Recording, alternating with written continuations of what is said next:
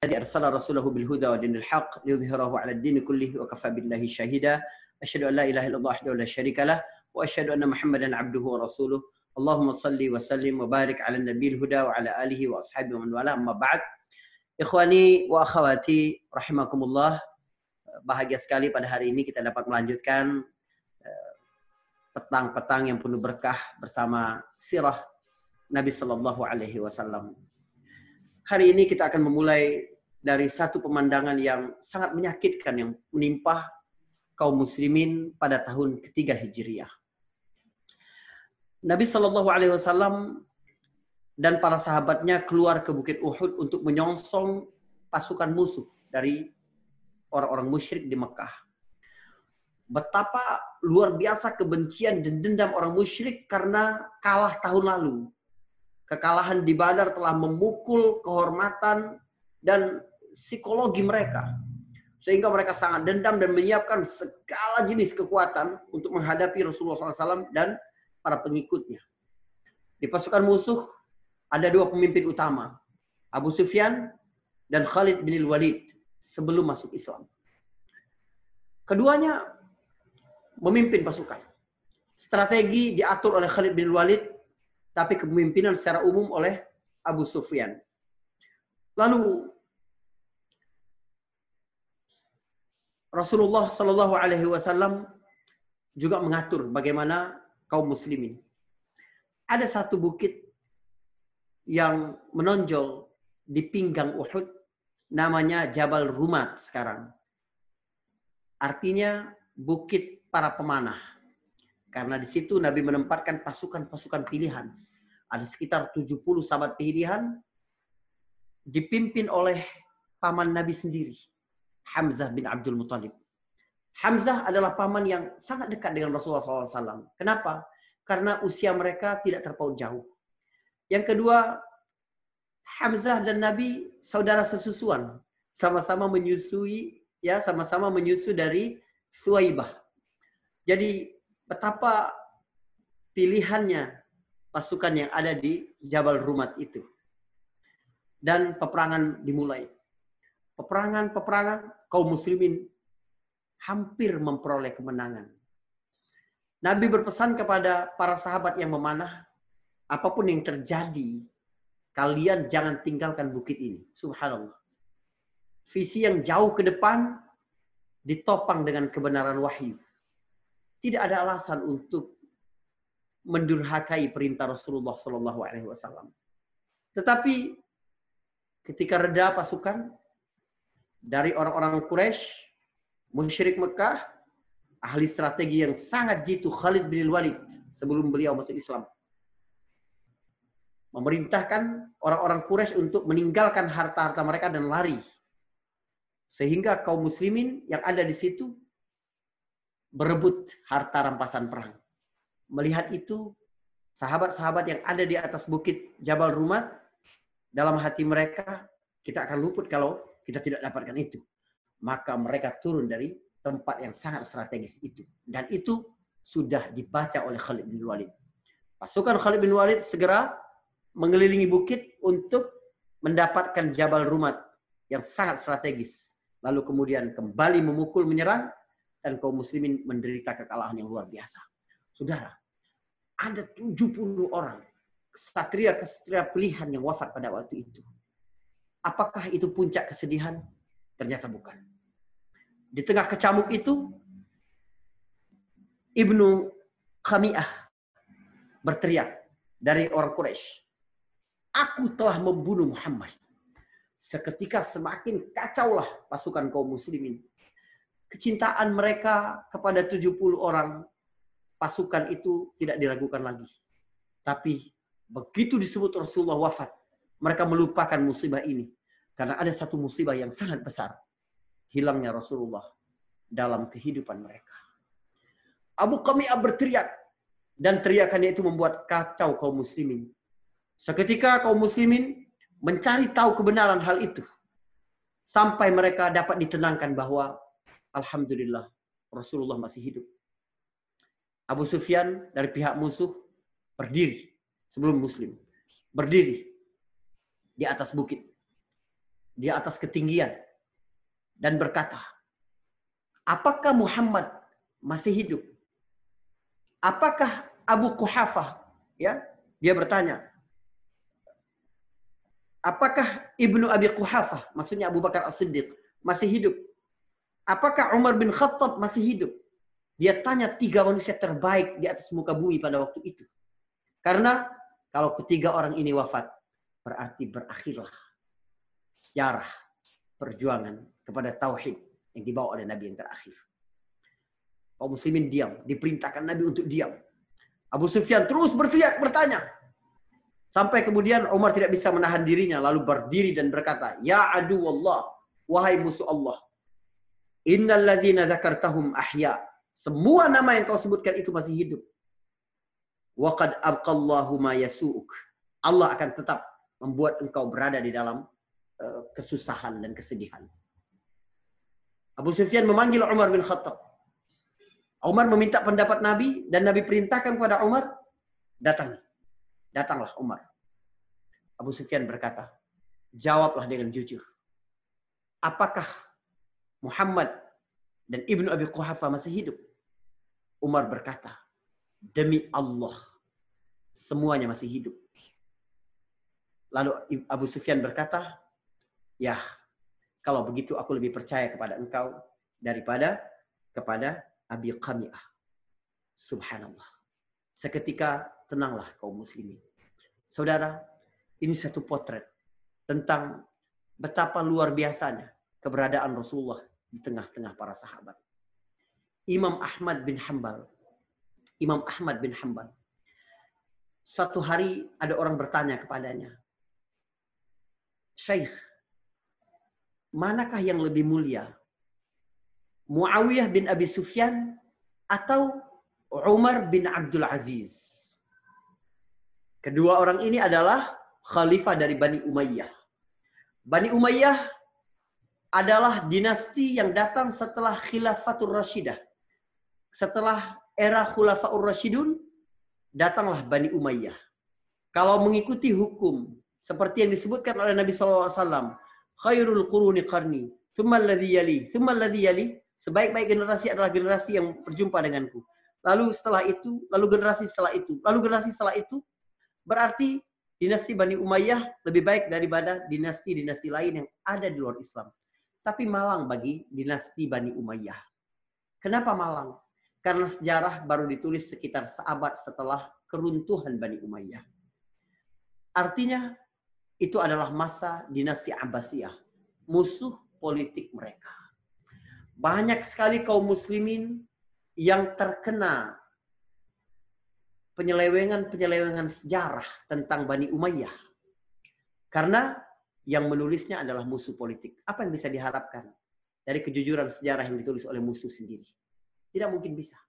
Karena itu banyak sekali fitnah-fitnah, syubhat-syubhat, keraguan-keraguan tentang Bani Umayyah sebenarnya tidak ada sama sekali.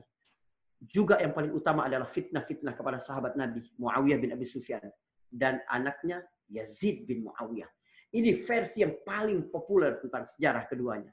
Tapi banyak yang palsu, banyak yang tidak benar. Hari ini adalah pertemuan refleksi dari satu minggu pertama living sirah kita melihat betapa pentingnya memiliki ikatan yang kuat dengan sejarah. Saudara, mengapa kaum muslimin pada hari ini? Mengapa umat Islam di Indonesia saja? Mengapa bangsa Indonesia melihat bule lebih tinggi dari dia? Mengapa umat Islam eh, bangsa Indonesia melihat produk-produk asing selalu lebih baik daripada produk sendiri? Mengapa merasa negara-negara lain jauh lebih maju dari negara kita? Mengapa merasa orang yang keluar negeri ini lebih maju daripada orang yang tidak pernah keluar negeri? Orang yang mengetahui bahasa Inggris lebih modern daripada yang tidak mengerti bahasa Inggris. Kenapa? Sampai ada sikap minder seperti itu. Lalu merasa apa pun yang berasal dari luar lebih unggul daripada apa yang ada dalam negeri. Kesalahan dalam menarasikan sejarah kepada umat itu. Tujuan utama kita mempelajari sirah ini tentu saja ingin kecintaan kepada Rasulullah tumbuh. Rasa akan betapa besar nikmat Allah dengan kehadiran Rasulullah ini tumbuh. juga untuk kesuksesan-kesuksesan.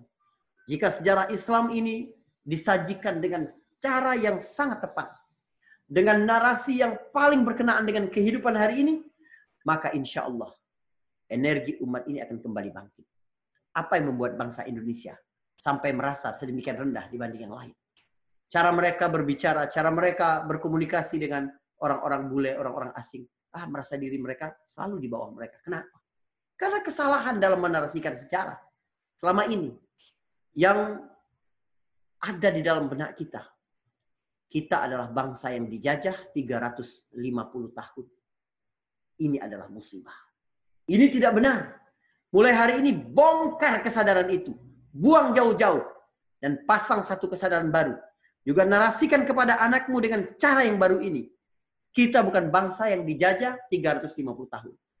Kita adalah bangsa yang berjuang 350 tahun. Agar tumbuh jiwa petarung, jiwa pejuang di dalam diri-diri kita ini. Kita ini bukan bangsa lemah. Orang-orang menyerang kita dengan tentara-tentara yang kuat. Dengan peralatan-peralatan persenjataan yang canggih. Kita diuji dengan kelaparan. Tidak memiliki senjata yang lengkap. Tapi kita pantang menyerah. Para ulama-ulama dulu mengeluarkan para santrinya dari masjid. Mengeluarkan para santrinya dari pesantren. Ini adalah panggilan jihad. Lalu, keluarlah barisan-barisan yang tidak takut mati. Barisan-barisan yang mencintai syahid barisan-barisan yang percaya dengan janji Allah Subhanahu taala. Dan itulah yang mengusir para penjajah. Kita adalah bangsa yang berjuang 350 tahun. Bukan bangsa yang dijajah 350 tahun.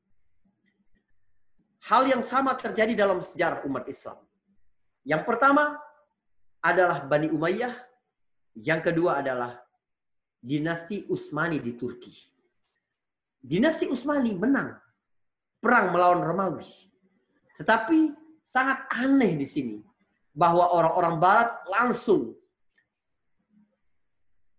menahan data-data dan menuliskan sejarah versi mereka.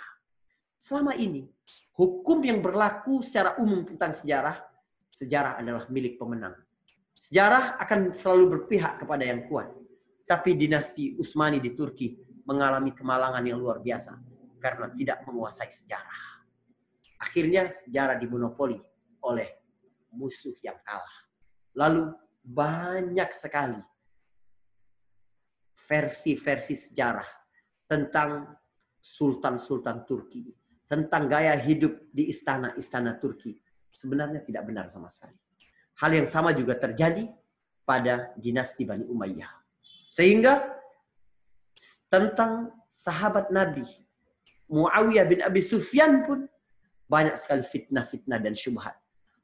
Sekelompok manusia munafik. Orang-orang yang dikendalikan oleh Yahudi. Mengeksploitasi kecintaan kaum muslimin kepada Ahlul Bait dengan cara menjelek-jelekkan dinasti Bani Umayyah. Di antara kepala mereka adalah Abu Sufyan, eh, Muawiyah bin Abi Sufyan. Ada orang yang datang kepada Imam Ahmad bertanya, Syekh, lebih mulia mana? Muawiyah bin Abi Sufyan dengan Umar bin Abdul Aziz. Umar bin Abdul Aziz adalah seorang tabi'in. Generasi yang hanya berjumpa dengan sahabat, tidak berjumpa dengan Nabi. Itu tabi'in. Cucu dari, cicit dari Umar bin, bin Al-Khattab. Itu Umar bin Abdul Aziz seorang khalifah menorehkan prestasi yang luar biasa. Kestabilan, kemakmuran yang ada di kerajaan ke, di, di khilafah Bani Umayyah. Orang ini bertanya kepada Imam Ahmad seolah-olah ingin membandingkan atau bahkan lebih mengutamakan Umar bin Abdul Aziz dibanding Muawiyah bin Abi Sufyan. Jawaban Imam Ahmad bin Hambal jauh di luar bayangannya. Imam Ahmad marah dan menjawab. Kaifa tuqarin baina rajulin tabi'iyyin wa rajulin syafat ainahu Rasulullah. Bagaimana mungkin engkau mampu membandingkan antara seorang laki-laki tabi'in dengan seorang laki-laki yang kedua matanya pernah memandang Rasulullah Sallallahu Alaihi Wasallam. Beda orang-orang yang pernah berjumpa dengan Rasulullah SAW. Ashabi kan nujum kata Nabi. Sahabat-sahabatku seperti bintang-bintang. Semua sahabatku adalah orang-orang yang adil. Muawiyah adalah sekretaris pencatat wahyu. Banyak sahabat-sahabat lain yang mengerti baca tulis, tapi ada hal lain. Kecerdasan, kelembutan, amanah Muawiyah bin Abi Sufyan luar biasa. Dan dia adalah bagian dari sahabat Nabi. Kata Imam Ahmad, Muawiyah, ya, bagaimana engkau membandingkan antara seorang tabi'in generasi kedua setelah Nabi dengan seseorang yang kedua matanya pernah menatap Rasulullah SAW. Wallahi, kata Imam Ahmad, demi Allah, lagubarun masad anfa khayli Muawiyah khairun min Umar bin Abdul Aziz. Demi Allah, debu yang menempel di hidung kuda tunggangan Muawiyah bin Abi Sufyan jauh lebih baik daripada Umar bin Abdul Aziz. Debu yang menempel di hidung hewan tunggangan, kuda tunggangan Muawiyah bin Abi Sufyan tetap lebih baik daripada Umar bin Abdul Aziz. Inilah keberkahan Rasulullah Sallallahu Alaihi Wasallam. Inilah yang disampaikan oleh Urwah bin Mas'ud ketika datang kepada kaumnya dan berkata, aku telah pernah bertemu dengan Kesra Persia. Aku pernah bertemu dengan Raja Romawi. Dan aku baru kembali dari Madinah. Aku tidak pernah dapati seorang pemimpin pun yang lebih dicintai oleh para pengikutnya seperti Muhammad dicintai para sahabatnya. Mereka sampai mau berkelahi ketika rebutan air bekas wudhu Nabi Muhammad Wasallam mencari keberkahan dari Rasulullah SAW. Tentu saja ini hanya kekhususan Nabi Wasallam. Ya, tidak berlaku kepada yang lain yang belum dijamin oleh Allah Subhanahu Wa Taala kebersihannya, keberkahannya, kemaksumannya seperti baginda Nabi Sallallahu Alaihi Wasallam. Hari ini kita telah terpisah 15 abad dari sang Rasul. Apakah ada sisa-sisa kebaikan dalam kehidupan kita setelah zaman yang berpindah-pindah ini? Setelah zaman yang sangat panjang memisahkan kita dengan Rasulullah SAW, tetap ada. Karena tetap terhubung hal yang kuat antara engkau dengan Rasulullah Sallallahu Alaihi Wasallam. Nabi sangat mencintai. Nabi memikirkanmu sampai nanti hari kiamat nanti. Ketika Nabi bercerita, para, para, para Rasul dulu memiliki satu doa. Yang Allah berikan jatah, ketika mereka mendoakan itu, langsung diijabahkan oleh Allah Subhanahu Wa Taala. Lalu mereka semua menggunakan doa itu. Ketika kaumnya durhaka melampaui batas, mereka doakan, lalu hancurlah kaum-kaum itu. Kata Nabi, illa ana, kecuali aku. Inni khabba'tu da'wati syafa'atan li ummati yaumal qiyamah Aku menahan doaku itu, kata Nabi. Aku menahan doaku itu untuk menjadi syafaat, menjadi pelindung nanti bagi umatku di hari kiamat. Subhanallah. Kurang apa lagi kesakitan-kesakitan dan penderitaan yang pernah dialami oleh Rasulullah Wasallam, tapi dia tidak gunakan jatah itu. Karena apa? Karena sayang dengan umat yang terpisah 15 abad ini. Karena sayang dengan dirinya. Itulah Rasulullah Sallallahu Alaihi Wasallam. Tidak pernah berlalu zaman demi zaman kecuali kecintaannya selalu dekat kepada kita semua. Subhanallah. Saudara, tentu saja Nabi sudah wafat. Maka bagaimana kita memaknai wa'lamu anna fikum Rasulullah. Ketahuilah bahwa di tengah-tengah kamu ada Rasulullah Sallallahu Alaihi Wasallam. Bagaimana cara kita mendekatkan jarak dengan Rasulullah SAW, dapat merasakan kecintaannya. Di antaranya adalah dengan cara kita kenal dengan Rasulullah SAW. Dengan cara kita mengadakan majelis-majelis yang bercerita tentang sirah perjuangan Rasulullah SAW. Rasul hidup sekarang di dalam kuburannya. Tapi tentu saja hanya Allah yang tahu bentuknya. Karena Nabi hidup di alam barzakh. Bagaimana bentuknya, bagaimana keadaannya, Allah lebih tahu. Tidak bisa dibayang-bayangkan, tidak bisa ditebak-tebak, tidak bisa bermain dengan dengan hal yang yang gaib. Tapi dalam hadis riwayat Abu Daud dengan sanad yang hasan Nabi Shallallahu Alaihi Wasallam bersabda, "Ma min ahadin yusallimu alayya illa raddallahu alayya ruhi hatta arudda alaihi salam." Tidak ada seorang pun yang mengucapkan salam kepada Rasulullah. Ketika tasyahud, engkau berkata, Assalamu alayka ayyuhan nabi wa rahmatullah wa barakatuh. Allah menyampaikan itu kepada ruh Nabi Muhammad sallallahu alaihi wasallam yang jasadnya terbaring di bawah kubah hijau Masjid Nabawi itu. Allah sampaikan, ah, umatmu, si fulan sedang mengucapkan salam kepadamu. Nabi pun mengucapkan salam itu. Ya Allah. Bayangkan saudara, apa rasanya engkau hidupmu didoakan keselamatan oleh Rasulullah Wasallam. Maka jangan sampai engkau mengucapkan salam kepada Rasulullah, tapi hatimu ke mana-mana. Ketika engkau mengucapkan salam kepada Rasulullah Wasallam, ketika engkau bersolawat kepada Rasulullah SAW, hadirkan seluruh hatimu dan Rasulullah akan menjawab itu. Assalamualaikum ayyuhan nabi wa rahmatullah wa barakatuh. Allah menyampaikan itu kepada Rasulullah dan Rasulullah mendoakan keselamatan atas fulan dan rahmat Allah serta keberkahan untuknya. Inilah yang mengikat antara kita dan Rasulullah Sallallahu Alaihi Wasallam. Pernah suatu hari Nabi berkunjung ke rumah salah satu sahabat. Nabi di depan pintunya meminta izin dengan cara mengucapkan salam. Assalamualaikum warahmatullahi wabarakatuh. Tuan rumah memberi isyarat kepada anaknya, jangan ada satupun yang menjawab. Maka Nabi mengulangi lagi salamnya. Assalamualaikum warahmatullahi wabarakatuh. Dia tetap memberi isyarat kepada anaknya untuk tidak ada yang menjawab. Lalu Nabi mengulang sampai tiga kali. Assalamualaikum warahmatullahi wabarakatuh. Tapi mereka juga tidak menjawab. Nabi pun pulang. Kembali. Begitu melihat Nabi berlipat, ya pergi menjauh. Sahabat ini cepat membuka pintu dan menyusul Rasulullah. Ya Rasulullah, Hah? ternyata ada orang. Kami sengaja tidak menjawab salammu ya Rasulullah. Kenapa engkau pergi ya Rasulullah? Batas untuk meminta izin cuma tiga kali. Kalau engkau mengetuk pintu atau mengucapkan salam, meminta izin untuk masuk kepada tuan rumah, lalu mereka diam sampai tiga kali, harus pulang. Adab yang diajarkan Islam. Rumah adalah privasi bagi tiap keluarga. Seorang berhak untuk menerima atau menolak tamu. Tapi kalau menerima, wajib memuliakannya.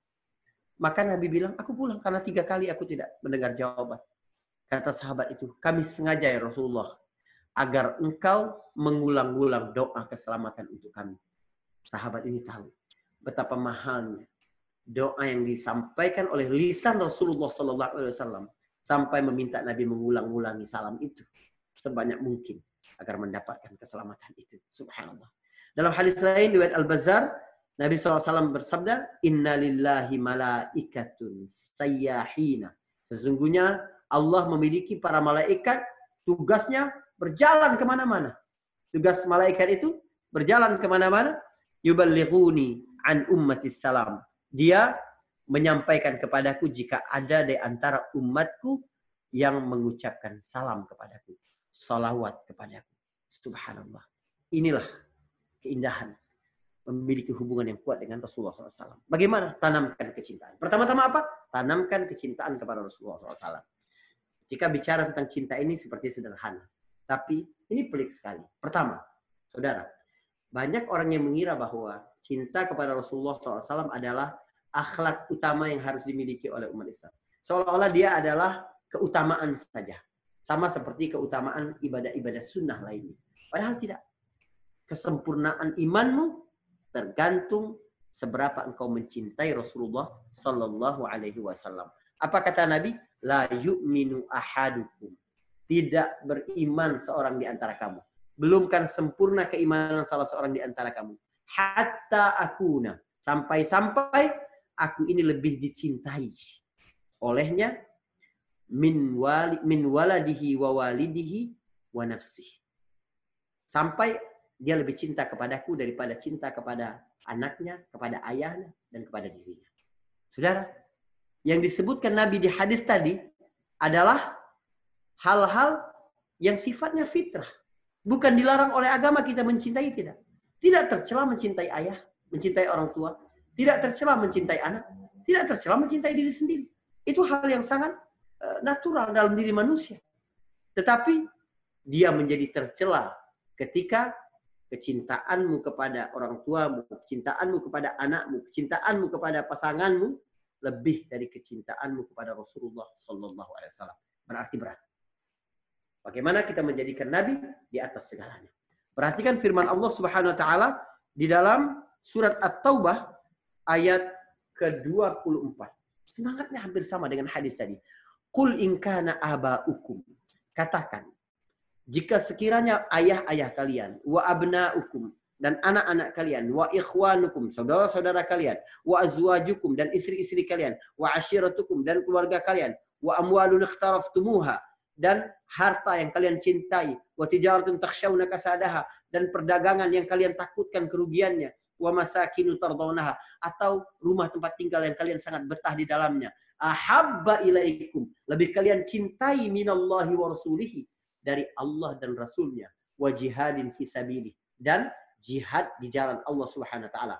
Fatarabbasu, maka tunggulah kata Allah hatta ya'ti Allahu bi amri sampai Allah memutuskan perkara berkaitan dengan itu.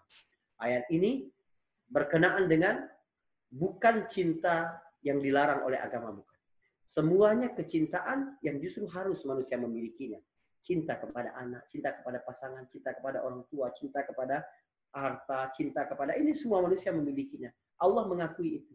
Yang tidak boleh adalah kalau Rasulullah nomor dua dibandingkan itu semua. Kalau itu terjadi, fatarabbasu maka tunggulah hatta ya'ti Allahu bi. Sampai Allah memutuskan. Allah memutuskan satu perkara atas kalian. Subhanallah. Ayat ini indah sekali karena Allah tidak menyebutkan jenisnya. Apa yang akan Allah lakukan kepada orang yang menomor dua kan Rasulullah dalam kehidupannya? Apa? tahu. Ini menunjukkan ancaman yang sangat besar. Sama seperti ada orang yang sangat kuat berkata kepada kita, awas ya nanti aku akan melakukan sesuatu untukmu. Ya, aku akan bikin jelek kehidupan. Kita berpikir semua hal yang bisa dia lakukan. Mungkin dia beginikan kita, mungkin dia beginikan kita, mungkin dia beginikan. Segala kemungkinan ya apa yang bisa dia lakukan ke kita, kita kepikiran. Begitu juga ayat ini. Subhanallah. Bagaimana mencintai Rasulullah? Ya, sederhana sekali. Ya, pertama, bagaimana mencintai Rasulullah lebih dari diri kita sendiri?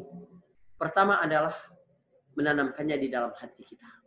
Kecintaan berasal dari hati dan terbit menjadi ketaatan.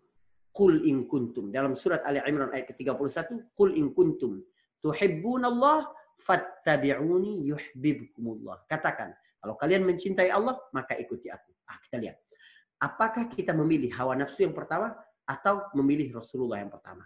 Itu ujian. Ya, ayat ini disebut oleh para ulama sebagai ayat al-mihnah, ayat ujian untuk melihat seberapa tulus. Kalau berkata, aku cinta Rasulullah, kalau terbawa emosi ketika diceritakan Rasulullah, apakah itu bukti cinta? Belum, sama sekali belum. Menangis ketika diceritakan begini, wajar. Manusia memiliki hati, tapi cinta butuh komitmen. Apa komitmen itu? Mengikuti apa pun dari Rasulullah Wasallam. Saya ingin berikan contoh tiga kasus pada hari ini. Pertama, misalnya tentang silaturahim. Misalnya Nabi bersabda, Laisal wasil bil mukafi. Kata Nabi, yang disebut menyambung silaturahim itu bukan transaksional. Orang menyambung silaturahim, kamu juga menyambung. Bukan. Innamal wasil. Yang disebut dengan menyambung silaturahim itu adalah an yasila man qata'ak. Engkau menyambung silaturahim kepada orang yang memutuskannya dari subhanallah. Susah itu. Hawa nafsu manusia, kemarahan manusia, ya nggak mau dia sama sekali aku sudah pernah mengucapkan salam dia diam saja. Aku datang ke rumahnya dia cuekin. Aku begini begini pernah berjumpa di sini. Kan susah sekali. Hawa nafsu kita berkata enggak emangnya dia saja yang begitu. Aku juga bisa begitu. Hawa nafsu kita berkata begitu tapi sekarang sedang diuji.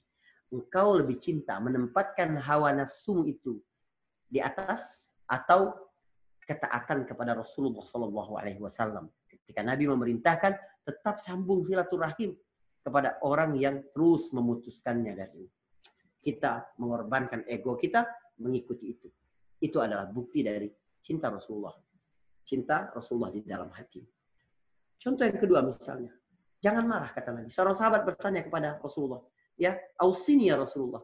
Nasihati aku ya Rasulullah. La taghdab. Singkat sekali Nabi berikan. Jangan marah kata Nabi. Kita pulang ke rumah, ya, ada hal yang tidak mengenakan oleh pasangan kita, meninggikan suara marah. Anak kita meninggikan suara. Ke tetangga kita meninggikan suara. Ke bawahan kita meninggikan suara. Kita merasa benar. Aku mempertahankan hakku. Benar, engkau mempertahankan hakmu. Tapi engkau tidak mencontoh Rasulullah Shallallahu Alaihi Wasallam ketika berpesan, jangan tinggikan suara, jangan marah, ya. Gunakan nasihat dengan kata-kata yang lembut. Ikuti seluruh kehidupanmu itu Rasulullah SAW. Yang ketiga adalah Ramadan. Bagaimana Ramadan Rasulullah SAW disebutkan? Ya, mengikuti Rasulullah sunnahnya. Karena Rasulullah ajwadun nas. Karena Rasulullah SAW ajwadan nas wa ajwadu ma yakun fi Ramadan. Rasulullah adalah hamba yang paling dermawan dan dia menjadi lebih dermawan lagi ketika masuk bulan Ramadan. Saudara, memang sulit ya, memang sayang dengan harta kita, dengan tabungan kita, dengan perhiasan kita. Apalagi di zaman sulit seperti ini. Ah, apa yang harus aku lakukan? Kita harus benar-benar berhati-hati. Tapi ingat, engkau lihat tidak Rasulullah yang pernah menjalani kehidupan dalam keadaan sempit dan dalam keadaan lapar. Ini juga ujian. Apakah engkau benar-benar bertakwa? Karena tujuan puasa Ramadan adalah la'allakum tattaqun agar kamu bertakwa. Mana ciri orang bertakwa dalam surat Al-Imran? Alladzina yunfiquna amwalahum Orang-orang yang berinfak dalam keadaan lapang dan dalam keadaan sempit. Ah, kita mengikuti, perjuangkan, ya, ah, apa, latih diri kita ini, lawan rasa pelit di dalam diri kita. Ada tidak? Hal yang paling kau cintai sekarang. Infakkan di jalan Allah Subhanahu wa taala. Ya, engkau lebih tahu saudara-saudaramu, orang-orang di sekitarmu yang kau lihat kesusahan-kesusahan mereka. Ah, memang sulit. Memang sulit. Tapi kalau engkau melihat bagaimana Rasulullah dermawannya di bulan Ramadan, tidak mungkin engkau masih menahan hal itu. Kalau engkau benar mencintai Rasulullah Sallallahu Alaihi Wasallam. Saudara, inilah menghadirkan sosok Nabi SAW dalam kehidupan kita. Bagaimana Nabi memberi, bagaimana Nabi sholat malam, bagaimana Nabi berpuasa, bagaimana Nabi menahan diri tidak berkata-kata kotor, tidak membentak, tidak marah, tidak dan seterusnya dan seterusnya. Ini adalah cara kita. Sebelum kita melanjutkan pada pekan kedua nanti, bagaimana kita merasakan segala sesuatu yang dirasa yang disiapkan oleh Allah taala dalam kehidupan Nabi wasallam, ah ini harus diterapkan dalam kehidupan. Kita harus berjanji dulu, siapkan diri kita. Semaksimal mungkin aku akan mengikuti bagaimana cara Allah mendidik Rasul, aku akan mendidik diriku melalui manhaj itu. Karena inilah tanda aku mencintai Rasulullah sallallahu alaihi wasallam. Mungkin ini pengantar pada sore hari ini ya. Eh, kita bisa lebih banyak dialog, insya Allah ya apa-apa yang ingin teman-teman tanyakan sebelum kita memulai uh, sejarah kehidupan Rasulullah Shallallahu Alaihi Wasallam ketika dia mulai dilahirkan, insya Allah pada pekan yang kedua nanti. Baik, terima kasih. Syukur jazakallah khair uh, Ustaz. Alhamdulillah. Teman-teman tafadhol kalau ada yang ingin bertanya alhamdulillah. Jadi ada beberapa poin penting dari Ustadz yang sudah disampaikan ya. Bagaimana bahwa merefleksikan kita supaya cinta Rasulullah Salah satunya menanamkan dari hati kecintaan kita. Dari hati itu timbullah ketaatan ya teman-teman. Kemudian juga jangan lupa yang paling penting dan ini agak sulit nih Ustaz, meniru perilaku Rasulullah yang masya Allah. Kelihatannya kita sebagai manusia ini memang masih agak punya keterbatasan mengikuti segala macam perilaku beliau, tapi kita berusaha ya teman-teman insya Allah, karena memang pasti tidak sempurna kita mengikuti perilaku Rasulullah, tapi paling tidak ada hal kecil yang kita bisa lakukan sebagai bukti bahwa kita mencintai Rasulullah. Baik, hmm. Alhamdulillah saat ini ada yang ingin bertanya langsung sepertinya. Baik, insya Allah ini ke Pak Yuri lagi, insya Allah. Assalamualaikum Pak iya, Yuri. Ya ada ini. Silakan, Pak Yuri silakan. Waalaikumsalam warahmatullahi wabarakatuh, insya Allah. Halo Pak Yuri. Ups. Bisa kedengaran? Bisa, bisa. Ya, bisa, bisa. Siap, bisa. siap, siap. Ya. Baik. Kalau kalaupun kita mau mengenal lebih dekat mengenai Rasulullah, eh, kira-kira ada referensi buku apa yang Ustadz bisa uh, sampaikan kepada kita, mungkin kita bisa mencarinya, Tat. Selain yang panjang sekali, Tat, yang memang berjilid-jilid yang Ustadz punya itu, tapi yang dalam versi singkatnya mungkin ada yang bisa direferensikan kepada kita. Terima kasih. Baik, baik, bagus sekali, ya, bagus sekali. Uh, saya rekomendasikan beberapa buku sirah nabawiyah yang sudah diterjemahkan dalam bahasa Indonesia, ya. Padahal luas sekali, banyak sekali sirah-sirah ya yang masih dalam bahasa Arab ini belum diterjemahkan ke dalam bahasa Indonesia. Pertama, satu buku karya Sofiur Rahman Al-Mubarak Furi. Ya, boleh di googling nanti Sirah Al-Mubarak Furi. Al-Mubarak Furi adalah uh, peraih penghargaan penulisan sirah nabawiyah terbaik dari King Fahd Award. Jadi Raja Saudi membuat uh, apa sayembara penulisan sirah nabawiyah terbaik. Siapa yang paling baik dari seluruh dunia Islam? Yang menang adalah Sofir Rahman Al-Mubarak Furi. Ini juara satunya. Ke keunggulan buku Sofir Rahman Al-Mubarak Furi, judul aslinya Ar-Rahiq Al-Makhtum, ya. Keunggulannya adalah dia mengumpulkan hadis-hadis yang lengkap tentang sejarah kehidupan Nabi dan dia pilihkan yang sahih-sahih saja. Jadi lengkap tetapi dia buat otoritatif serta singkat. Jadi kalau ada hadis yang berbeda namun informasinya hampir sama tidak dimuat sama dia. Karena dia ingin menjaga sirah nabawiyah itu simple. Jadi satu buku saja. Saya punya bukunya. Ini ini aslinya Rahid Al-Maktum. Nah, ini satu jilid cuma. Sudah ada terjemahannya bahasa Indonesia. Sirah Nabawiyah karya Al-Mubarak Furi. Jadi gunanya beli buku ini biar referensi sirah lebih padat di situ. Tetapi, tetapi untuk pembaca ini agak berat. Kecuali untuk para peneliti, periset. Kenapa pembaca berat? Karena dia berusaha mengumpulkan banyak referensi, mengumpulkan banyak referensi, dan dipadatkan. Sehingga ketika kita baca itu, kita seperti membaca tempelan data demi data. Jadi tidak mengalir. Maka saya juga menyarankan beli juara dua di sayembara ini. Karya Abul Hasan An-Nadawi. Sirah Nabawiyah karya Abul Hasan An-Nadawi. Banyak penerbit di Indonesia yang menerbitkan ini, ya. Di antaranya terbitan Gramedia, covernya itu warna hijau. Salah dia tulis nama Abdul Hasan itu di cover itu tertulis Abdul Hasan. Yang benar adalah Abdul Hasan An-Nadawi. Abdul Hasan An-Nadawi memang seorang uh, pembaca yang luar biasa, uh, storyteller. Memang uh, ini karya Sirah punya Abil Hasan An-Nadawi. Saya punya aslinya juga, ya. Nah, ini enak mengalir. Dia memang seorang pencerita luar biasa. Ini juga uh, buku dia Kisah Nabiyin lil Atfal, kisah para nabi-nabi untuk anak-anak. Jadi ringan sekali bahasanya. Dia sudah terbiasa uh, apa berinteraksi dengan pembaca-pembaca awam seperti kita. Kemudian untuk mengasah kepekaan kita, mengasah kepekaan kita dalam Eh, mengambil hikmah dari sirah nabawiyah bagaimana membawanya untuk zaman sekarang, membawanya untuk konteks hari ini, maka saya sarankan beli fikih sirah punya uh, Al-Buti, Ramadan Said Ramadan Al-Buti, ya. Boleh diketik fikih sirah Ramadan Al-Buti. Itu kita tahu apa hikmah Nabi dilahirkan yatim, apa hikmah Nabi anak-anak itu. Tapi tentu saja dia menulis dalam uh, studi kasus Arab pada waktu itu. Sementara sirah nabawiyah harus berkembang. Kenapa sejarah Nabi ini disebut sirah? Sirah artinya berjalan. Bahasa Arab, sara yasiru berjalan. Artinya sirah nabawiyah ini harus dinarasikan, harus diceritakan secara dinamis. Sesuai dengan tempat-tempat tertentu, sesuai dengan waktu-waktu tertentu. Bukan sama sekali mengubah konten sirah nabawiyah, bukan.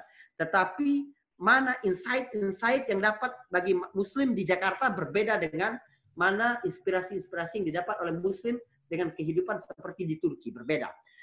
Bagaimana mengambil highlight ketika sirah ini diceritakan pada abad ke-20 berbeda dengan ketika meng-highlight sirah pada abad kedua dan ketiga Hijriah. Nah, ini ini ini berbeda ini ya. Uh, pada abad ke-9 misalnya, 9 Masehi. Berbeda. Era perang, era penaklukan berbeda dengan era damai seperti seperti hari ini. Nah, itu hanya kita mengambil caranya untuk itu ya. Nah, begitu. Itu tiga itu beli. Sirah Nabawiyah Al-Mubarak Furi, Sirah Nabawiyah Abul Hasan An-Nadawi, Fikih Sirah Ramadan Al-Buti. Ya, saya mengajar di FAT Institute milik Abi Amir FAT, Ustaz Amir Faisal FAT, ya, di dekat dari Pak Yuri itu. Nah, itu bukunya yang ketiga ini, Fikih Sirah Nabawiyah. Baik. Terima kasih. Baik, syukuran Ustaz uh, Afan. Teman-teman, tadi ada beberapa chat dari jamaah yang tadi ketik. Jadi di situ bisa kelihatan ya teman-teman, Sirah Nabawiyah salah satunya karya Syekh Al Mubarak Furi ya, Ustaz ya. Salah satunya ya. ya Kemudian yang ya. terakhir Fikih Sirah Ramadan Al-Bukti ya, Ustaz. Al-Buti ya. Al-Buti ya, Al-Buti ya. Baik, baik. Nanti silakan teman-teman uh, bisa cek-cek ya. Insya Allah itu, itu semua sudah dalam uh, terjemahan Indonesia ya, Ustaz ya?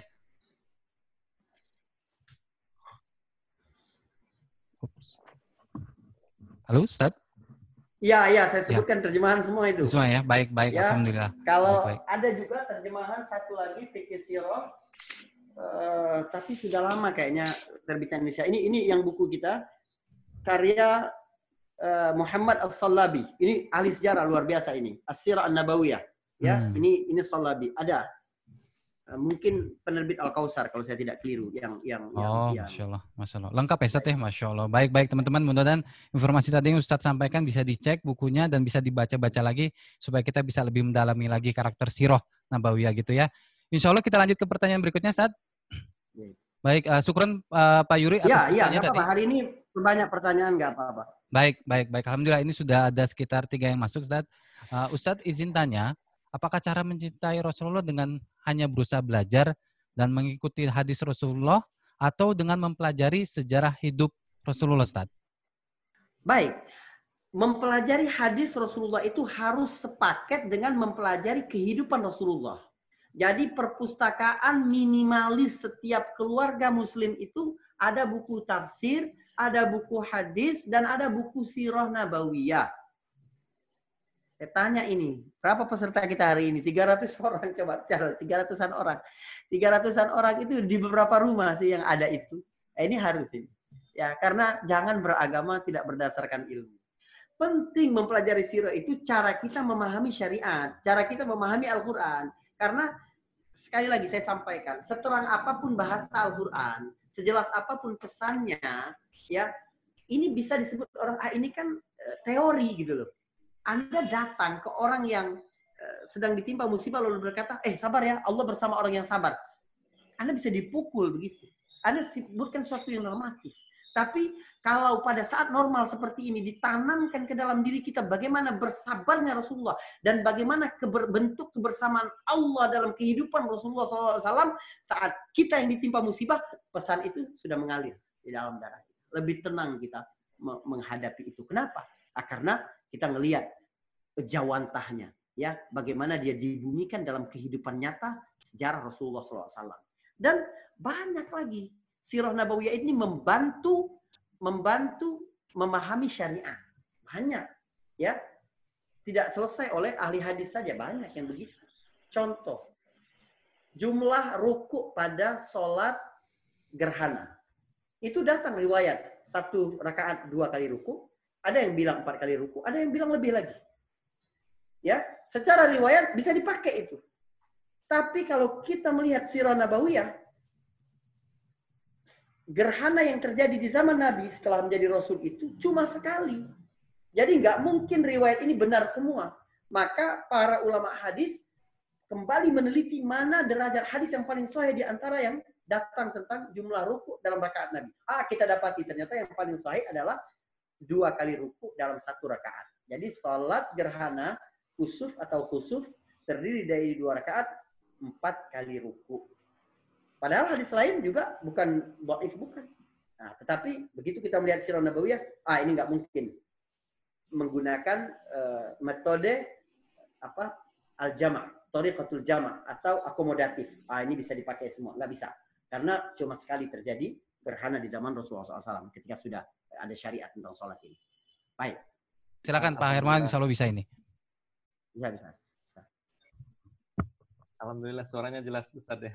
Masya Allah. Alhamdulillah. Pak Hermon ceritakan dulu gimana rasanya dituturkan sirah nabawiyah di dekat rumah Nabi. Oh, Masya Pak Hermon Allah. ini umroh bersama saya nih, napaktilas sirah nabawiyah ini. Oh, Masya Iya. Ustaz.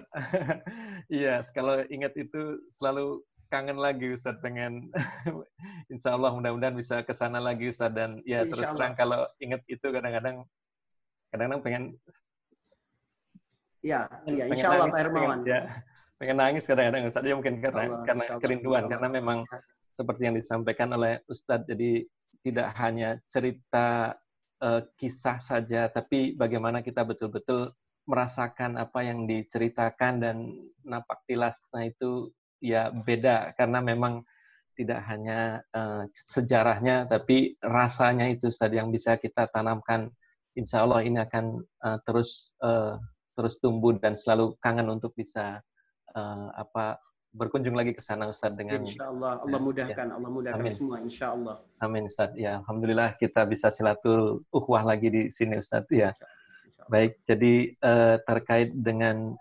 menanamkan eh, keberadaan Rasulullah di tengah-tengah kita ini menarik sekali Ustaz. Eh, satu sisi kadang-kadang mungkin kita apa ya, mungkin saya sendiri mesti pandai-pandai banget membalance Ustaz antara apa ya, antara harap dan cemas. Cemasnya karena memang tadi disampaikan dengan Ustadz jarak antara kita dengan Rasulullah itu secara waktu itu jauh sekali gitu.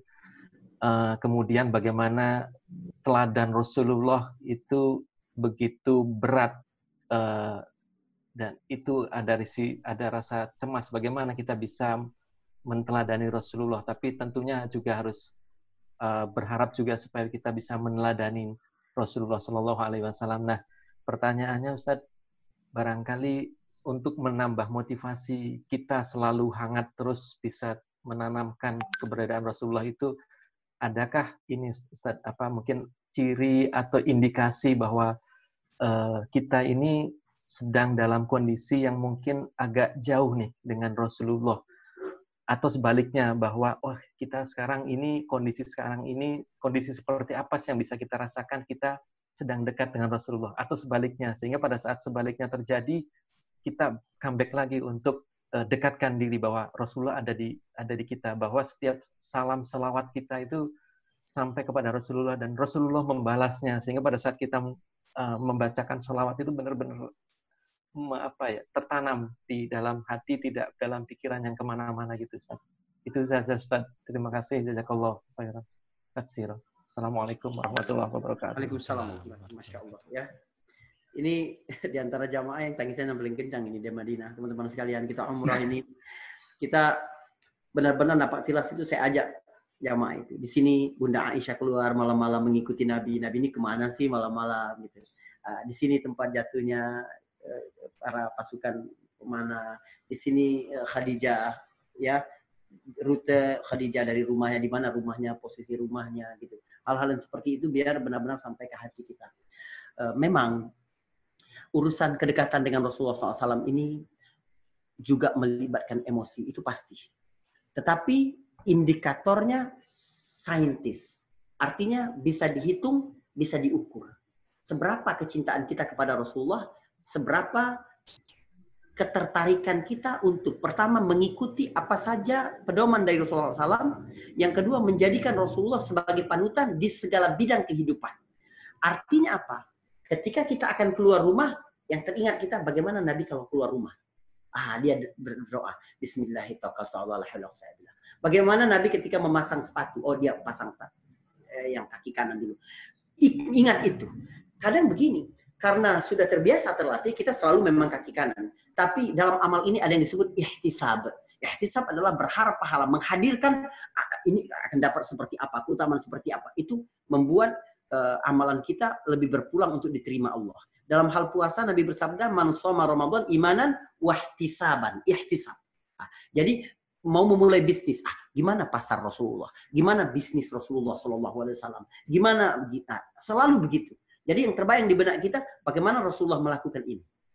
Terjadi konflik dalam rumah tangga, yang langsung terbayang ke kita, bagaimana ketika terjadi konflik di rumah Rasulullah SAW. Ah, kalau sekiranya itu semakin uh, terlatih refleksitas kita, menghadirkan Rasulullah seperti apa dalam kondisi ini. Rasulullah seperti apa jika menghadapi hal seperti ini, kita akan dapat merasakan manisnya iman manisnya kecintaan kepada Rasulullah SAW. Ini yang disebut oleh Nabi SAW dalam hadis surat Bukhari dan Muslim. Thalathun. Man kunna fihi wajada bihinna halawatal iman. Ada tiga golongan. Apabila seseorang memilikinya, maka dia dapat merasakan manisnya keimanan. Subhanallah. Kalimat halawatil iman, manisnya keimanan, itu bermakna dalam sekali. Pertama, iman ini bukan sesuatu yang diakal saja, bukan. Tetapi sesuatu yang dapat dirasakan. Ada taste-nya, ada rasanya keimanan ini. Ya, di antara jumlah miliaran, 7 miliar jumlah manusia, sedikit yang muslim. Di antara yang muslim, sedikit yang beriman. Di antara yang beriman, sedikit yang dapat merasakan manisnya. Berbeda. Ada orang beriman, sudah disebut beriman. Rukun imannya sempurna sudah. Iman kepada Allah, kepada Rasul, kepada malaikat, kepada kitab, kepada takdir, kepada kiamat. Dia semua percaya. Tapi dia tidak merasakan manisnya keimanan. Bahkan di beberapa waktu dia sering rasakan uh, iman ini seperti beban di dalam dirinya, membatasi gerak-geriknya. Ah, ada soalnya orang berkata, eh kalau nggak mikir iman aku sudah lakukan itu. Jangan jangan katakan begitu, ya. Tapi aku tidak akan melakukan itu karena Allah tidak suka. Itu makna keimanan. Ada tiga golongan yang apabila dia memiliki itu maka dia akan merasakan mengecap manisnya rasa iman. Siapa? Man kana Allahu wa rasuluhu ahabba ilaihi mimma siwahuma. Siapa yang menjadikan Allah dan Rasulnya lebih dia cintai daripada selain keduanya. Wa an yuhibbal mar'a la yuhibbuhu illa lillah. Tidak mencintai seseorang kecuali karena Allah Subhanahu wa taala. Wa an yakraha an ya'uda fil kufri ba'da an anqadhahu Allah min kama yakrahu an yuqdhafa finnar. Dan benci untuk kembali kepada jahiliyah, benci kembali kepada keadaan sebelum hijrah, benci kepada kekufuran, benci kepada kefasikan karena Allah sudah menyelamatkannya kepada hidayah, dia benci untuk kembali lagi kepada hal-hal yang buruk sebelum dia hijrah dulu, seperti bencinya seseorang dicampakkan ke dalam api neraka. Tiga hal ini dijaga, ah, sehingga melibatkan rasa mencintai Allah dan Rasulnya insya Allah melebihi apa pun. Baik. Baik, syukur Ustaz. Kita boleh lanjut Ustaz ke pertanyaan berikutnya Ustaz? Boleh, boleh, boleh lanjut. Silakan. Alhamdulillah. Silakan, silakan, silakan. Ini Gak ada apa-apa. tiga pertanyaan yang mirip-mirip Ustaz. Tidak terlalu detail. Baik, Baik. Insya Allah ini ada tiga pertanyaan yang sebetulnya sama. Saya rangkum jadi satu ya, teman-teman. Afwan. Uh, Assalamualaikum Ustadz. Saya mau tanya, bagaimana mengenalkan ke anak-anak usia 12 tahun ke atas ataupun ke bawah gitu Ustadz, mengenalkan Nabi dan para sahabat melalui Siroh Nabawiyah ini. Karena buku-buku yang ada selama ini mungkin masih berat bagi mereka untuk membaca atau memahaminya. Mohon nasihatnya Ustadz. Sesudah dirahmati Allah Subhanahu wa taala, manusia itu tertarik hanya pada hal-hal yang dekat dengan kehidupan mereka. Kalau mereka merasa bahwa itu tidak ada hubungannya dengan kehidupannya, orang nggak tertarik. Kita dulu nggak begitu tertarik dengan eh, berita-berita tentang virus corona, ketika dia masih menjadi eh, momok bagi eh, orang-orang di kota Wuhan. Tapi begitu dekat dengan kehidupan kita, kita jadi khawatir. Berapa orang korban? Berapa orang yang meninggal hari ini? Berapa orang? Kenapa? Karena masa dekat. Kejadian biasa, kecelakaan motor misalnya. Eh, ada kejadian kecelakaan motor. Sesuatu yang biasa mungkin bagi orang. Tapi ketika disebut di RT sekian, kelurahan ini dia bilang, ya, kelurahan ini, jalan ini, ah ternyata dekat rumah kita. Eh, siapa itu? Kenal nggak aku? Kenapa? Tertarik karena dekat dengan kehidupan kita. Jadi caranya adalah hadirkan sirah nabawiyah itu dekat dengan kehidupan mereka. Apa yang ingin, apa yang ada dalam benak anak-anak di usia itu. Rasa ingin tahunya, bagaimana kita mengolah rasa ingin tahu yang ada di dalam dirinya. Bagaimana uh, persoalan hidup mereka.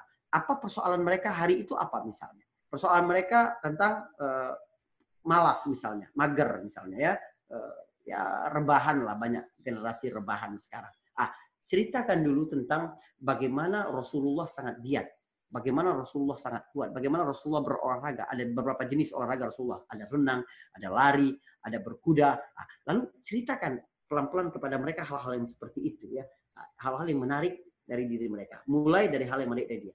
Jadi kelebihan belajar sirah nabawiyah juga tidak harus secara urut tidak ya kalau anda perhatikan kita dalam living sirah ini juga tidak selalu urut saya detilkan semua tidak tapi mana-mana yang dapat memberi pelajaran dalam kehidupan kita nah itu juga yang kita pilih kepada anak-anak kita jadi gimana Rasulullah eh, ketika di sini, ketika Rasulullah begini, ketika menghadapi ini, ketika takut, ketika gugup begini, bagaimana Rasulullah percaya diri di depan orang. Kita akan sampai nanti ya. Eh, Ramadan ini khusus tentang kehidupan Nabi yang tidak ada hubungannya dengan wahyu, tidak ada hubungannya dengan mukjizat.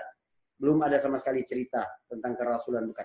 Tapi tentang anak kecil biasa, remaja biasa, bayi biasa, nah, yang menjalani kehidupan seperti manusia biasa. Insya Allah. Insya Allah.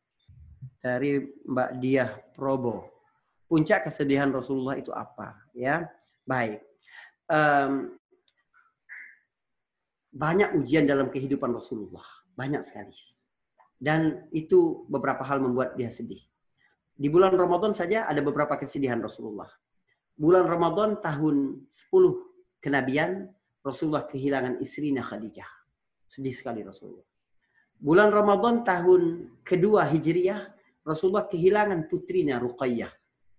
Ini ya kesedihan-kesedihan Rasulullah di bulan Ramadan aja begitu. Juga di bulan-bulan yang lain, kehilangan anak laki-lakinya, kekalahan di Uhud, diusir di Taif, kemudian disakiti di Mekah banyak sekali. Tetapi saya uh, terkesan sekali dengan penjelasan guru sirah nabawiyah saya di Al Azhar ya di, di Kairo uh, ketika dia bercerita tentang menurut dia ujian paling berat bagi diri Nabi Shallallahu Alaihi Wasallam adalah hadithul ifki yaitu kejadian ketika Aisyah istrinya dituduh berzina itu benar-benar sedih. Kenapa? Karena ujian-ujian yang lain itu cuma menyangkut fisik Rasulullah, tapi ujian yang berkenaan dengan Aisyah ini benar-benar ujian yang menyangkut harga diri dan kehormatan keluarga. Masa istrinya sampai begitu? Ada istri yang berkhianat, ya berselingkuh begitu. Itu kan memalukan sekali, ya. Ah, ini ini ujian paling berat bagi Nabi dan menjadi semakin berat karena wahyu sengaja ditahan oleh Allah tidak turun kepada Nabi sampai sebulan. Sehingga netizen sangat riuh di Madinah ini bercerita ya fitnah yang eh, berita hoax tentang Bunda Aisyah radhiyallahu anha. Ya. Di, disurut lagi kembali orang-orang munafik ya dan ini dipelihara terus oleh kelompok-kelompok Syiah ingin menjatuhkan Bunda Aisyah radhiyallahu anha. tapi ini ujian yang paling berat menurut saya bagi diri Nabi adalah hadisul ifki, kejadian ketika Aisyah di, dituduh berzina. Wallahu alam besar. Nah ini Afwan Sad, ada pertanyaan berikutnya dari teman-teman. Ustadz, uh, bolehkah mengikuti mazhab yang mungkin berbeda-beda Ustadz? Mengingat uh, atau campur-campur, mengingat semua tujuannya sama yaitu mengikuti sunnah Nabi Ustadz. Baik, baik. Jadi dalam syariat itu ada yang disebut dengan haila. Haila itu berkelit dari hukum berkelit dari hukum. Ada orang ya mengambil mazhab-mazhab yang berbeda dengan cara uh, mengambil yang ringan-ringannya. Dalam hal ini mengambil mazhab ini, dalam hal ini itu tidak boleh. Itu lari dari hukum namanya. Ya, memang orang awam seperti kita ini ya bukan pada uh, tahap ijtihad berijtihad, maka kita bertanya kepada orang yang tahu, orang yang tahu. Nah, maka kita di Indonesia banyak mazhab Syafi'i misalnya. Maka kita mengambil metode pengambilan hukum itu seperti Syafi'i. Tetapi teman-teman sekalian, jangan sampai saya jawab dulu yang pertama, tidak boleh mencampur adukan mazhab itu dengan tujuan untuk meringankan atau lari dari hukum. Hmm. Yang kedua, kita bermazhab itu bukan bermakna kita akan taklid apa pun kata mazhab walaupun sudah ada dalil yang terang ternyata bertentangan dengan mazhab. Karena Imam Syafi'i sendiri ketika menulis bukunya Al-Um, itu kitab induknya Imam Syafi'i, Al-Um, ya, masterpiece-nya Imam Syafi'i, menulis, kalau nanti kamu dapati hadis Nabi yang bertentangan dengan apa yang aku tulis di dalam kitab ini, maka ambil hadis itu, tinggalkan pendapatku, karena hadis itulah adalah mazhabku. Bukan kita berkata bahwa emangnya berarti Ustaz Adi Hidayat lebih pintar dari Imam Syafi'i, Ustaz Khalid Basalama lebih pintar dari Imam Syafi'i, Ustaz Abdul Somad lebih pintar dari Imam Syafi'i. Bukan, bukan. Tapi eranya berbeda. Sekarang kita berada alhamdulillah di era teknologi di mana hadis sudah dikodifikasi dengan teknologi. Sehingga kita dapat melacak hadis dengan sangat cepat. Zaman mereka dulu, susah sekali mencari hadis gitu loh. Mencari hadis itu susah sekali. Bisa jadi ijtihad mereka seperti itu karena belum berjumpa hadis itu. Karena itu ijtihad berubah. Misal ijtihad berubah sesuai dengan konteks. Imam Syafi'i ketika di Irak ya berpendapat bahwa batal wudhu jika bersentuhan laki-laki dan perempuan kecuali orang sudah tua. Kalau orang sudah tua nggak batal. Lalu dia pindah ke Mesir. Baru beberapa hari di Mesir, dia lihat ada kakek-kakek, nenek-nenek saling melempar kembang. Apa kata Imam Syafi'i? Tidak, kalau begitu walaupun kakek-kakek, nenek-nenek tetap batal. Perhatikan, fatwa berubah. Karena apa berarti? Karena tidak ada dalil yang terang. Lalu jika ada satu dalil hadis yang terang yang tidak dijumpai oleh Imam Syafi'i, lalu kita bilang, enggak, aku ini mazhab Syafi'i. Ada bahkan orang yang ngotot bilang ini mazhab Syafi'i, padahal itu bukan mazhab Syafi'i. Ya, banyak yang dipraktekkan umat Islam Indonesia mengatasnamakan Imam Syafi'i, tapi Syafi'i tidak begitu ya. Coba saya nggak mungkin lah bilang-bilang contohnya nanti ribut, nanti ribut nanti ya. Tapi begitu adab kita. Imam Malik berkata menunjuk kubur Rasulullah SAW ya satu-satunya orang yang semua orang kata-katanya bisa diambil bisa ditinggalkan kecuali pemilik kubur ini kata Imam Malik. Jadi sealim apa pun orang kalau kita sudah dapat hadis yang sangat jelas berkenaan dengan satu hukum tinggalkan pendapat siapa pun, ambil pendapat Nabi SAW. Berarti kita menjadikan Nabi lebih cinta kepada Nabi dibanding kepada imam-imam. Dibanding kepada ustadz-ustadz kita. Dibanding kepada hawa nafsu kita. Dibanding kepada kelompok kita. Dibanding kepada pengajian kita. Dan lain-lain sebagainya. Kalau bertemu hadis yang sahih, sangat jelas tentang sesuatu, ambil itu. Tinggalkan yang lain. Wallahu a'lam. Baik, baik. Alhamdulillah. Syukur, Yang penting teman-teman perbedaan mazhab ini jangan sampai memecah ukhuwah kita ya. Karena kita syahadatnya sama. Insya Allah itu saja yang perlu dicatat. Ya, tetapi benar ada Tuh. dalilnya sama, tapi hmm. cara istimbatnya, cara uh, menyimpulkannya, ya. cara memahaminya berbeda. Itu kita harus saling memaklumi. Ya. Jangan pula merasa lebih benar sendiri, jangan. Ya, uh, beda, beda. Karena menurut ini begini, hadisnya sama, dalilnya sama, tapi cara memahaminya berbeda. Itu wajar sekali. Para sahabat pun berbeda dalam memahami dalil, apalagi kita. Baik, baik. Alhamdulillah, syukran uh, Ustadz. Uh, mungkin masih bisa satu pertanyaan terakhir, Ustadz. Apakah memungkinkan, Ustadz? Silakan, silakan. Nah, insya, Allah ini pertanyaan saat terakhir, Ustadz. Ini lagi agak rame di internet, Ustadz. Uh, terkait dengan beberapa uh, Ustadz, pertanyaan, saya langsung bertanya aja, Ustadz. Ustadz, hadis yang mengenai muncul bintang suraya, wabah akan hilang apakah mengenai penyakit atau hama tumbuhan. Hmm. Karena banyak perbedaan mengenai hal ini. Kira-kira hadis itu apakah uh, valid atau tidak, Ustaz? Baik, baik, baik. Hadis ini yang paling kuatnya terdapat dalam Musnad Ahmad. Derajatnya Hasan. Tapi ada beberapa ahli hadis tetap memperbincangkan hadis itu. Jadi ada sebagian yang menyebut hadisnya lemah. Tetapi ada lagi ya yang menyebutkan hadis yang di Ahmad, khusus hadis yang di Imam Ahmad, itu hadisnya Hasan. Ya, hadisnya Hasan. Maka begini, ya kalau saya eh, condong kepada kedudukan hadis ini Hasan, bukan lemah, bukan. Kenapa? Karena dalam tradisi para ulama hadis, untuk menilai hadis itu lemah atau tidak, sebelum mereka benar-benar uh, menelitinya, mereka melihat dulu matan hadis, konten hadisnya. Ini terpintas tidak di akal manusia biasa untuk berbohong dengan seperti ini. Nah, itu nggak terpintas itu. Misalnya begini, ada anak kecil umur 6 tahun bercerita bahwa, Pak, tadi ada Om Gojek, misalnya Om Ojek daring, uh, dia mengantarkan begini, begini, begini, begini. Nggak terpintas anak usia begitu untuk mengarang cerita seperti itu misalnya. Maka mesti benar itu. gitu. Tapi kemudian diambil oleh ini, ini misalnya begitu ya. Nah, itu itu kita tahu ini anak benar apa enggak? Untuk ukuran usia ini nggak mungkin otaknya sampai mengarang cerita seperti itu. Maka insya Allah benar. Nah, dalam ilmu hadis juga begitu. Ada yang memperhatikan uh, kaidah bahasa. Karena hadis ada yang langsung diketahui ini lemah. Kenapa? Karena bahasanya dangkal. Bahasa Nabi ini sangat sangat sastrawi, sangat tinggi.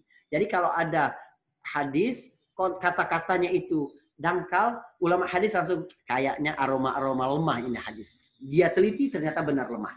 Atau ada isinya, ya uh, substansinya untuk kepentingan satu golongan. Misalnya hadis-hadis tentang keutamaan Ali kebanyakan lemah.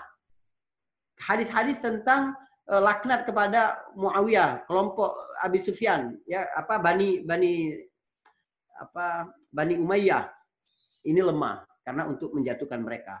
Hadis-hadis tentang apa lagi yang berkaitan dengan uh, keutamaan surah-surah itu cara orang biar orang bersemangat membaca Al-Qur'an.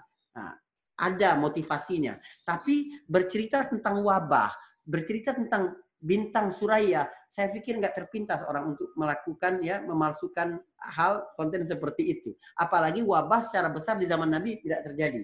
Ya cuma ada sedikit kasus kelompok kaum dari Rurainah atau dari Akal yang datang ke Madinah lalu kaget dengan udara Madinah, Nabi suruh singkirkan mereka ke dekat peternakan onta, minum kencing onta dan dan susu onta.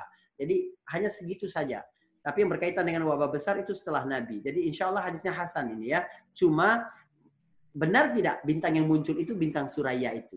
Benar tidak bahwa yang dimaksud Nabi juga untuk untuk wabah yang seperti sekarang ini? Benar tidak maksudnya hilang sekaligus atau hilangnya berangsur-angsur? Nah, itu kan cara memahami hadis. Jangan nanti kalau tidak sesuai dengan interpretasimu kamu bilang Nabi salah, jangan ya. Tetapi benar tidak kaitan ini dengan konteks ini untuk teks yang ini. Itu maksud saya. Baik. Baik, uh, syukur jazakallah Ustaz. Uh, Alhamdulillah teman-teman, mudah-mudahan pertanyaan terakhir adalah pencerahannya teman-teman dengan apa yang ter, uh, cukup viral uh, beberapa waktu ini. Ustaz Afwan, menyangkut pertanyaan pertama tadi yang wajib dimiliki oleh orang muslim ada siroh, ada fikih, kemudian ada apa lagi Ustaz? Tafsir. Tafsir, tafsir ya, tafsir. Tiga ya teman-teman, siroh, fikih, kan, tafsir. Apa pedoman hidup kita ini dua, Al-Quran dan Sunnah. Jadi Al-Quran Anda harus pelajari tafsir, nggak cukup cuma terjemah. Belilah satu buku tafsir. Ada yang cuma tiga jilid, ada yang empat jilid, ada yang ya ada ada tafsir satu jilid. Saya berikan. Tafsir Al-Quran Al-Azim. Ini ada tafsir Al-Quran Al-Azim. Ini satu satu jilid. Begini, satu jilid. Anda bisa. Mungkin ada terjemahannya, ada terjemahannya ya. Nggak harus yang berjilid-jilid. Jadi ada buku tafsir, ada buku hadis, satu buku hadis. Misalnya kumpulan-kumpulan hadis di Imam Bukhari aja hadis-hadis pilihan misalnya eh, terjemahan Al-Lu'lu' wal Marjan atau Adabul Mufrad. Ya biasa ustaz-ustaz di masjid banyak yang bawa ini seri kajian Adabul Mufrad. Atau Bulughul Maram misalnya ada satu itu. Kemudian ada Sirah Nabawiyah. Tafsir hadis dan sirah. Baik, syukur jazakallah uh, khair Ustaz. Alhamdulillah. Teman-teman, alhamdulillah ya. Uh, berarti sudah cukup kelengkap uh, untuk minggu ini. Kita belajar siroh walaupun memang masih secuil keilmuan kita tapi alhamdulillah paling tidak kita sudah sudah lima hari ini ada hal menarik yang kita bisa jadi kembangkan lagi terhadap keibadahan kita gitu ya teman-teman. Alhamdulillah. Dan jangan lupa teman-teman Mas Bayu ya. minggu pertama ini kita benar-benar belum menyentuh siroh belum. Ya minggu pertama ini kita baru mengepung-ngepung siroh belum benar-benar nah, masuk belum jadi kita bikin pagarnya dulu Masya Allah. Baik. Maksudnya apa? Hmm. Maksudnya hmm. kalau nanti teman-teman membaca sirah di luar, mendengar kajian sirah di luar, caranya memahami sirah, cara mendudukkan sirah, bagaimana meng, mendaya gunakan sirah menjadi sebuah energi, nah, telah kita dapati di, di pertemuan minggu pertama ini. Insya Allah. Ini ini usaha kita ya. Baik, Alhamdulillah Ustaz. Baik, teman-teman, Alhamdulillah mudah-mudahan uh, teman-teman bisa bergabung lagi di sesi pertemuan Senin besok. Judulnya adalah tentang pentingnya nasab yang unggul. Uh, sesi terakhir kita teman-teman alhamdulillah uh, kita di ujung materi kita hari ini Ustaz. Mudah-mudahan teman-teman apa yang kita dapati hari ini bisa menambah keyakinan teman-teman bahwa ada Rasulullah di tengah kita. Teman-teman, ini adalah sirah inspirasi kita hari ini. Saudara yang dirahmati Allah Subhanahu wa taala, ternyata tidak sederhana berkata aku mencintaimu ya Rasulullah. Tapi kita harus berusaha untuk menanamkan kecintaan kepada Rasulullah Sallallahu Alaihi Wasallam.